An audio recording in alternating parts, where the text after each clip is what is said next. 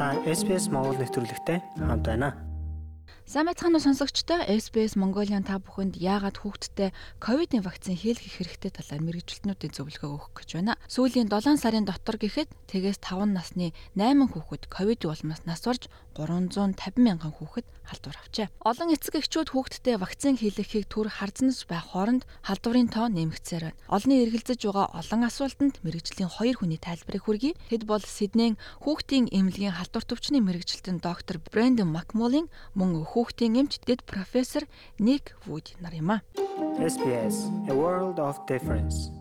Энэ оны ихээр ковидын вакциныг 5-аас 11 насны хүүхдүүдэд хийх боломжтой болсон. Гэсэн хэдий ч энэ насны 2.3 сая хүүхдийн 40% нь 2 тунгаа хийлгээд байгаа юм. Сиднейн хүүхдийн эмнэлгийн халдвар төвчний мэрэгжилтэн доктор Брэндон Макмолин хэлэхдээ эцэг эхчүүд вакцины гаж нөлөөний талаар санаа зовсондоо хүүхдүүддээ вакцин хийх хэрэгтэй гэдэгт эргэлзэж байгаах гэлээ. Тэгвэл хүүхдэд вакцин хэрэгтэй юу?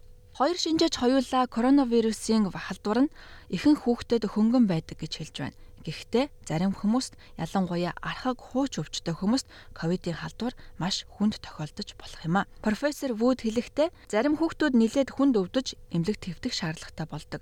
Амьсгал нь сайнгүй, идэж уух нь багассан тул тэдэнд хүчил төрөгч шингэн зэрэг нэмэлт тусламж хэрэгтэй байж магадгүй. Халдвар авсан ч вакцин хийлгэх нь ашиг тустай. Таны авах дархлаа илүү өргөн хүрээтэй болж таныг дахин халдвар авахаас хамгаалах юм а гэж профессор Вуд нэмж хэллээ.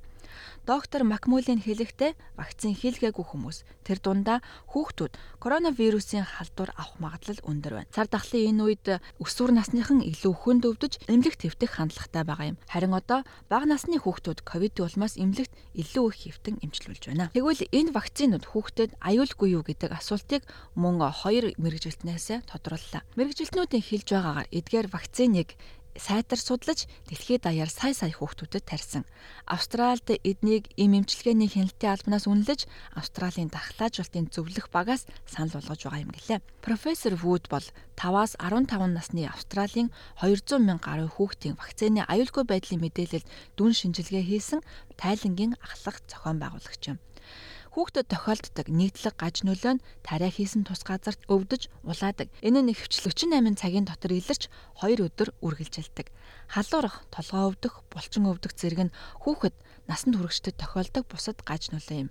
Гэхдээ энэ насанд хүрэгчдийнхээс хүүхдэд бага тохиолддог 5-аас 11 настай хүүхдүүдэд 12-аас 15 настай хүүхдүүдээс арай бага тохиолдож байна гэж профессор Бүт хэллээ. Мөн тэрээр хэлэхдээ түүний багийнхан 12-оос доош насны хүүхдүүдэд зүрхний асуудал үүсгэх эрсдлийг судалгааны явцдаа илрүүлээгүй гэлээ. Ийм эрсдэл 15-аас 20 насных нь бага зэрэг түгээмэл тохиолддог. Мөн энэ нэхвчлэн залуу эрэгтэйчүүдэд 2 дугаар тунгийн дараа тохиолдож байна. Залуу насанд хүрэгчдэд эсвэл өсвөр насныхан цээжөөр өвдөх зүрх нь бага зэрэг цохилж байна гэж гомдолдог гэж тэрээр нэмж хэллээ. Хэрв тийм бол ерөнхий эмчид заавал мэдэгдэж тусламж авах хэрэгтэй. Энэ нь 5-аас 10 мянгад нэг тохиож болох юм гэж хэлсэн юм а. Доктор Маквеллиний хувьд халдвар төвчний эмчийн хувьд ноцтой гаж нөлөөг эмчилдэг бөгөөд дархлаажуултанд тусалдаг юм а. Би вакцины гаж нөлөөнөөс биш харин ковидын улмаас болж ноцтой өвдсөн хүүхдүүдийг үзэж байсан гэж хэлсэн юм а. Аль вакциныг хүүхдэд санал болгож байгаа вэ? Одоогоор Австралийн эм эмчилгээний хяналтын албанаас 6 сартаагаас 5 нас хүртэлх эрсдэлт бүлгийн хүүхдүүдэд Moderna-гийн Spikevax гэдэг вакциныг 2 тунгаар хийхийг зөвлөж байгаа. 2021 оны 12 дугаар сарын 1-ээс 2022 оны 6 дугаар сарын 17 оны хооронд тэгээс 5 насны 350 мянган хүүхдүүд ковидын халдвар авснаа мэдэгдсэн.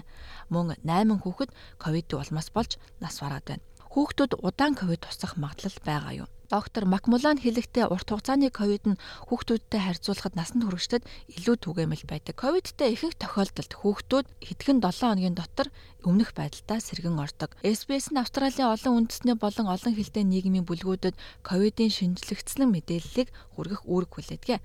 Та өөрийн их хэл дээрээ сүүлийн үеийн мэдээлэл авахыг хүсвэл манай сайтны ковид хэсэгт зочлоорой. Австрали улсад амьдарч эхлэх гэж байна уу? Хэрэгтэй мэдээллийг SBS.com.cg юу урагшаа зураас Mongolian хуудасаас хүлээн авах нь